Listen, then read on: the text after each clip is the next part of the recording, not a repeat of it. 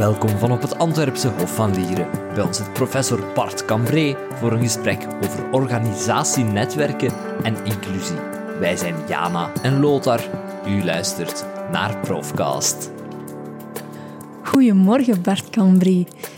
Alles goed? Ja, prima. Bedankt om hier te zijn in onze studio. Bart, je bent eigenlijk socioloog van opleiding, dus geen econoom. Hoe ben je dan toch in deze wereld verzeild geraakt? Ja, ik ben een vreemde eend in de bijt, of een van de vreemde eenden in de bijt. Ehm, ik ben opgeleid als, als socioloog-methodoloog eigenlijk, dus echt in onderzoeksmethodologie. Ik ben zo ook beginnen werken in de, in de tak van sociologie, de organisatiesociologie. En dan verzeild geraakt aan de Universiteit Tilburg, aan het departement organisatiewetenschappen, een heel multidisciplinaire kijk op organisaties.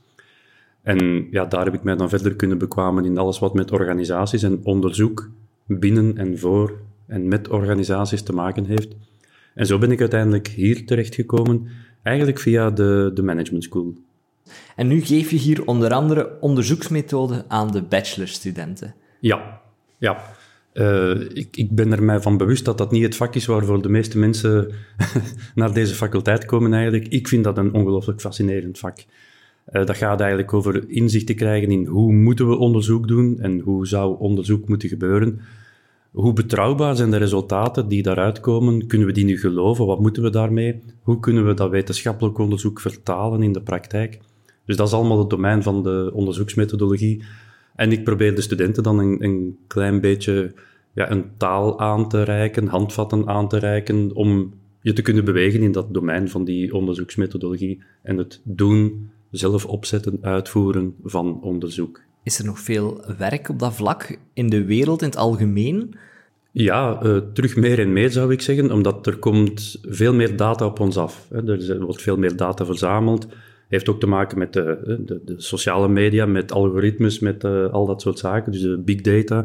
Dus er is nu nog meer data dan we ooit al hadden. En die overvloed ja, vindt door die bomen dat bos nog maar eens terug eigenlijk. En dat is soms heel moeilijk, dus wat moet je nu doen? Wat kan je nu nog vertrouwen? Um, welke resultaten zijn nu gegrond op echt wetenschappelijk onderzoek?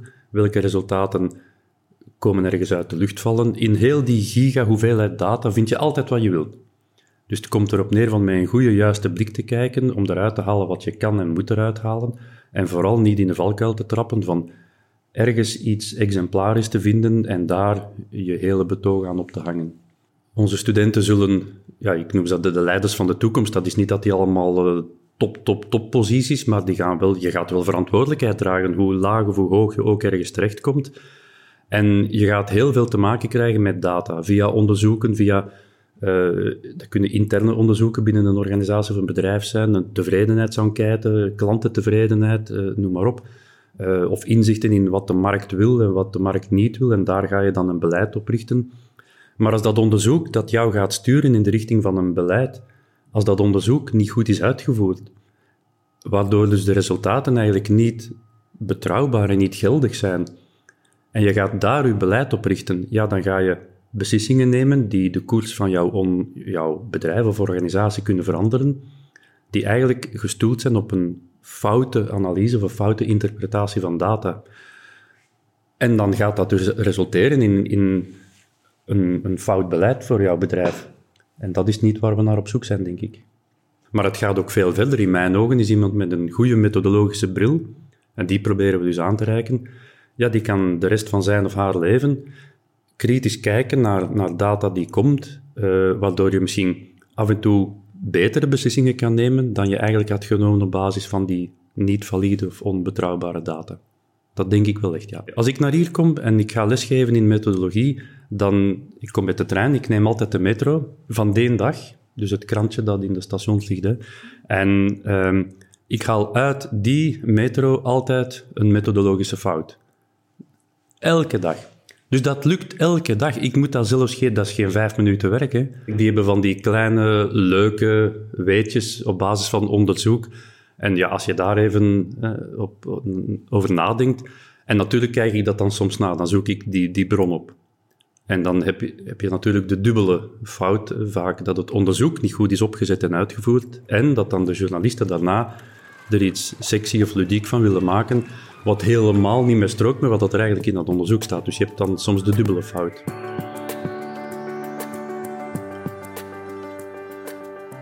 Bij de Antwerp Management School zijn jullie uh, ook een onderzoek gestart, een tijdje geleden al, naar de tewerkstellingskansen van mensen met een verstandelijke beperking in de reguliere economie. Vanwaar uh, dat idee om daar rond te werken? Dat idee is ontstaan uh, toen de Special Olympics, de Europese Games in 2014, denk ik, hier in Antwerpen plaatsvonden. En daar hoort altijd een wetenschappelijk congres bij. En ik had toen geappliqueerd om daar een congres over te doen, over die tewerkstellingskansen van mensen met een beperking in het normaal economisch circuit. En uh, ik wist niet, maar ja, we hebben toen blijkbaar... Het protocol is eigenlijk dat al die congressen gaan altijd over medische elementen of juridische en die posities. En ik kwam nu met een management element van en een arbeidsmarktelement. Maar dat is toen gelukt. Dat moest dan zo helemaal naar Washington, naar uh, Special Olympics International. En dan hebben wij die Special Olympics hier uh, mee gehost en daar dat congres rondgedaan. Dat was heel fascinerend. En dan een klein onderzoekje gedaan naar aanleiding van dat congres. En dat dan gebruikt om daarna één, twee, we hebben nu het derde onderzoeksproject lopen rond de tewerkstellingskansen van mensen met een beperking. En ik doe dat uh, samen met die mensen.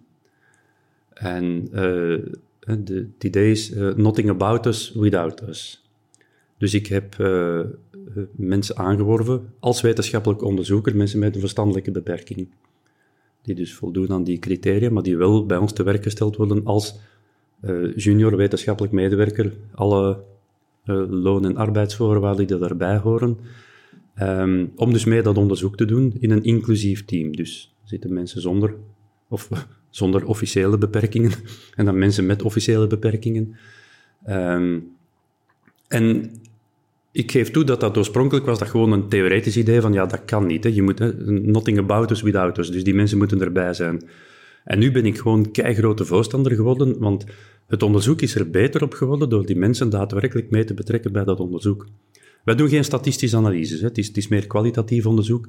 En die mensen dus nu, de persoon die nu bij ons werkt, Thibaut, is een uh, meervoudig Olympisch kampioen, Special Olympics kampioen in het zeilen eigenlijk. Uh, dat is bijvoorbeeld een geboren interviewer. Uh, jullie denken dat je goed aan het interview bent of zo? ik weet het niet. Jawel hoor, maar ja, Thibaut zet die voor iemand en die uh, wij sturen die naar CEO's, naar, naar leidinggevenden, over inclusie op de werkvloer, eh, werkvloer praten. Die komt met geweldige informatie terug. Dus bij de dataverzameling is het project sowieso al rijker.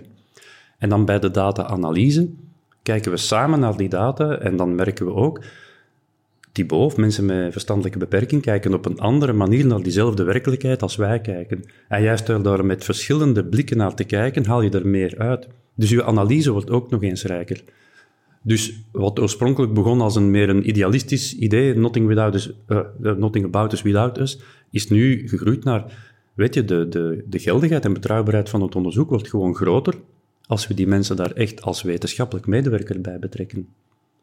Dus dat is nu, en dat project loopt nu nog altijd. Nu doen we het echt op uh, internationaal niveau. We zijn eerst begonnen Belgisch, dan Europees. En nu het internationaal. Nu doen we een onderzoek naar de ja, die atleten van de Special Olympics, die krijgen ook leiderschapsopleidingen en cursussen. En wat is nu de impact daarvan op hun persoonlijk leven? En wat doet dat nu, als we die nu koppelen aan mensen in het bedrijfsleven, wat doet dat dan met die mensen uit het bedrijfsleven?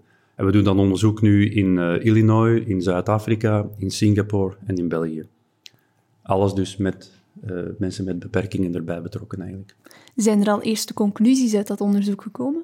Ja, die vorige onderzoeken wel. Hè. Die ging dan wel van die richten zich voornamelijk op onder welke omstandigheden lukt het om die mensen goed te werk te stellen en welke omstandigheden niet. En zoals je moet, het, kijk, we moeten daar niet, uh, niet onnozel over doen. Je moet aanpassingen doorvoeren aan je arbeidsorganisatie om de mensen goed te laten kunnen renderen. Uh, je hebt extra begeleiding nodig, dus er komen allemaal extra zaken aan te pas natuurlijk. Uh, je kan die mensen niet daar ergens gewoon zitten en zeggen van, vind het maar uit en vanavond kom ik eens zien. Zo werkt het natuurlijk niet. Um, dus extra omkadering, extra aanpassingen aan het jobdesign, wat ze juist kunnen doen. Thibaut kan niet alles, die is in sommige dingen heel goed en in andere dingen helemaal niet goed, dus dat moet dan iemand anders opnemen. Dus je moet heel veel regelen op teamniveau. Dus dat is wel een, een extra aanpassing die je moet doen, dus daar hebben we veel onderzoek uh, rond gedaan. Um, een aantal zaken, dus binnen het HR-beleid, je moet die mensen vinden, je moet die mensen aanwerven. Uh, de meeste organisaties zijn daar niet klaar voor. Uh, het, het goede is, en dat hebben wij bij AMS ook gedaan, hè, dus dat er, uh, er zijn veel subsidiemogelijkheden die je kan gebruiken om die mensen aan te werven. Uiteraard hebben wij die ook gebruikt.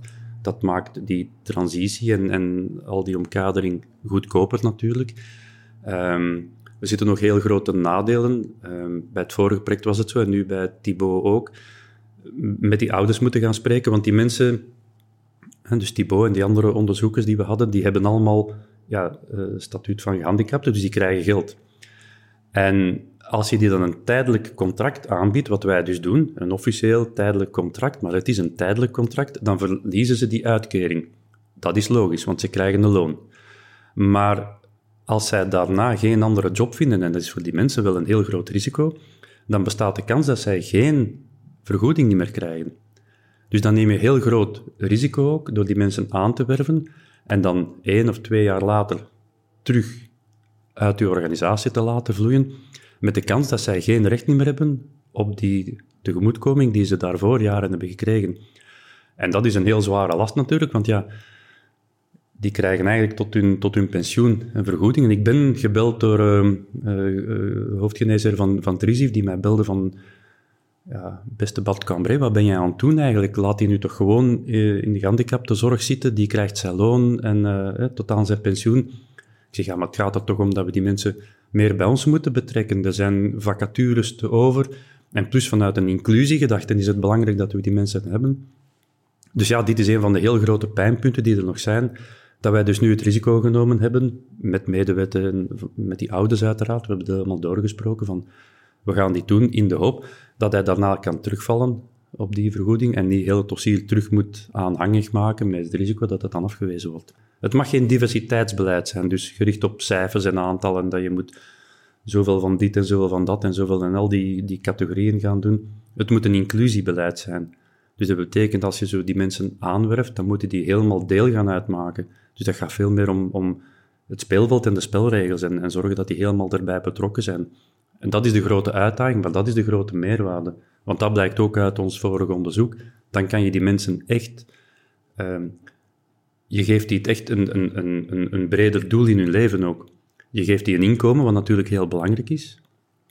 En je geeft die sociaal kapitaal. Je leert die in een, in een ander netwerk dan hun eigen netwerk. Want die hebben natuurlijk allemaal een heel sterk eigen netwerk. Maar dit is natuurlijk een veel breder, waardoor dat, dat heel belangrijk en heel verrijkend is.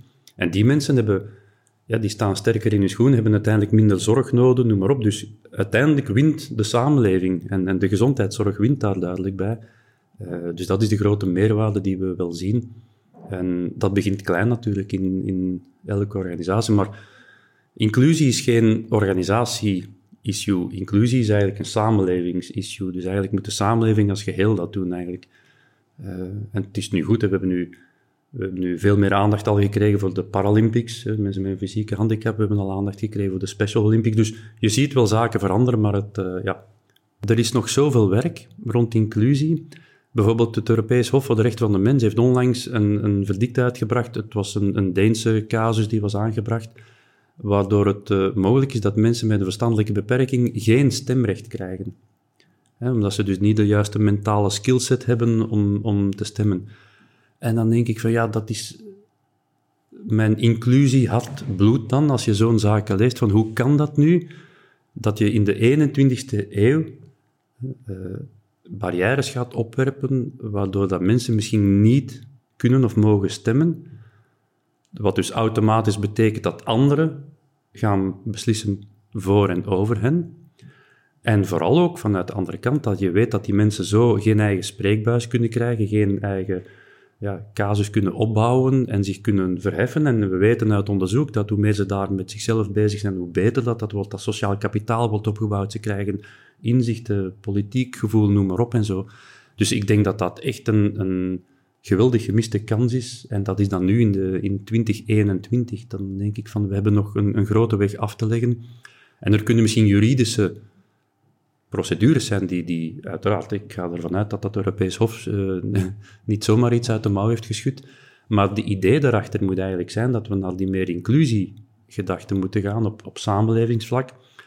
En dan, ja, als je die mensen uitsluit, wat is dan de volgende groep? En voor je het weet zitten we terug met een, uh, een bepaalde groep die, één, die meervoudig stemrecht heeft en andere groepen die helemaal uitgesloten worden. Dus als samenleving, als maatschappij, is dit echt een gemiste kans. En dan denk ik dat uh, instellingen zoals die van ons hier, die, die mogen zich dan wel iets luider roeren nog ook, denk ik.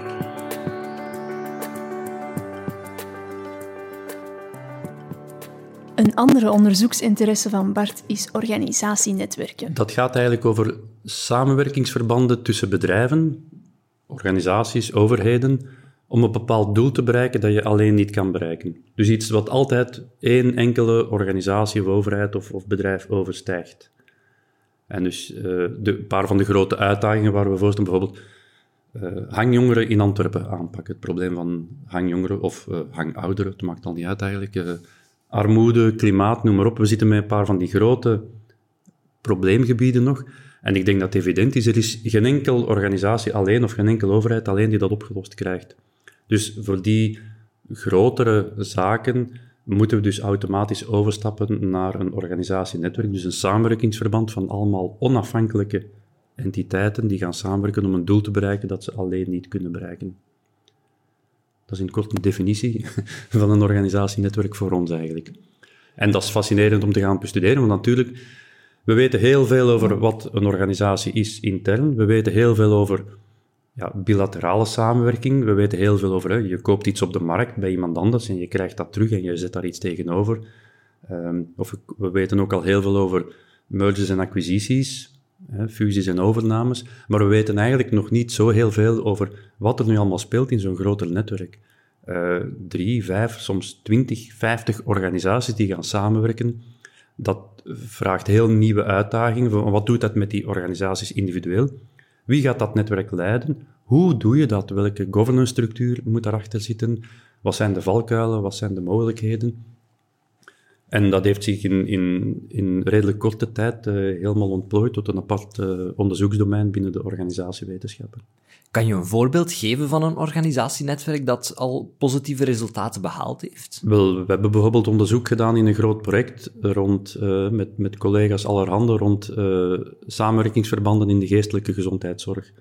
Waar het gaat tussen ziekenhuizen en ambulante zorgverlening waar ziekenhuisbedden worden afgebouwd ten voordele van thuis- en ambulante verzorging in geestelijke gezondheidszorg. En dus dan heb je ineens heel veel organisaties die moeten samenwerken. Hoe doen die dat dan?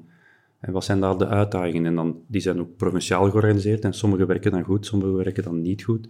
Wat onderzoeksmatig heel interessant is om de goede en de niet goede te zien dan natuurlijk en waarom dat dat verschil is. Eh, er zijn ook heel mooie samenwerkingsverbanden tussen bedrijven. Ehm, om bijvoorbeeld een regio te optimaliseren. Eindhoven is daar heel sterk mee bezig om zich helemaal te profileren als zo'n kennishub en een science hub.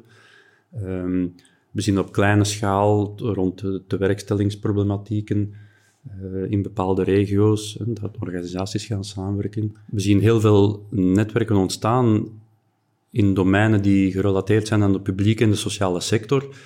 Dat heeft ook heel veel te maken met het feit dat bijvoorbeeld in heel die sociale sector de subsidies naar beneden zijn gegaan. Dus dat die mensen nu ja, bijna uh, verplicht zijn om te gaan samenwerken. Wat op zich nog een goed idee is. Dus uh, dat, is, dat kan nog wel zijn. Maar dat maakt dat er dus heel veel organisatienetwerken daar ontstaan zijn. Maar we zien ze ook in de uh, biotech, in, in alle mogelijke high-tech. ja, dus dat is, en dat is heel interessant natuurlijk, bijvoorbeeld een probleem van de intellectuele rechten er wordt iets ontwikkeld op netwerkniveau.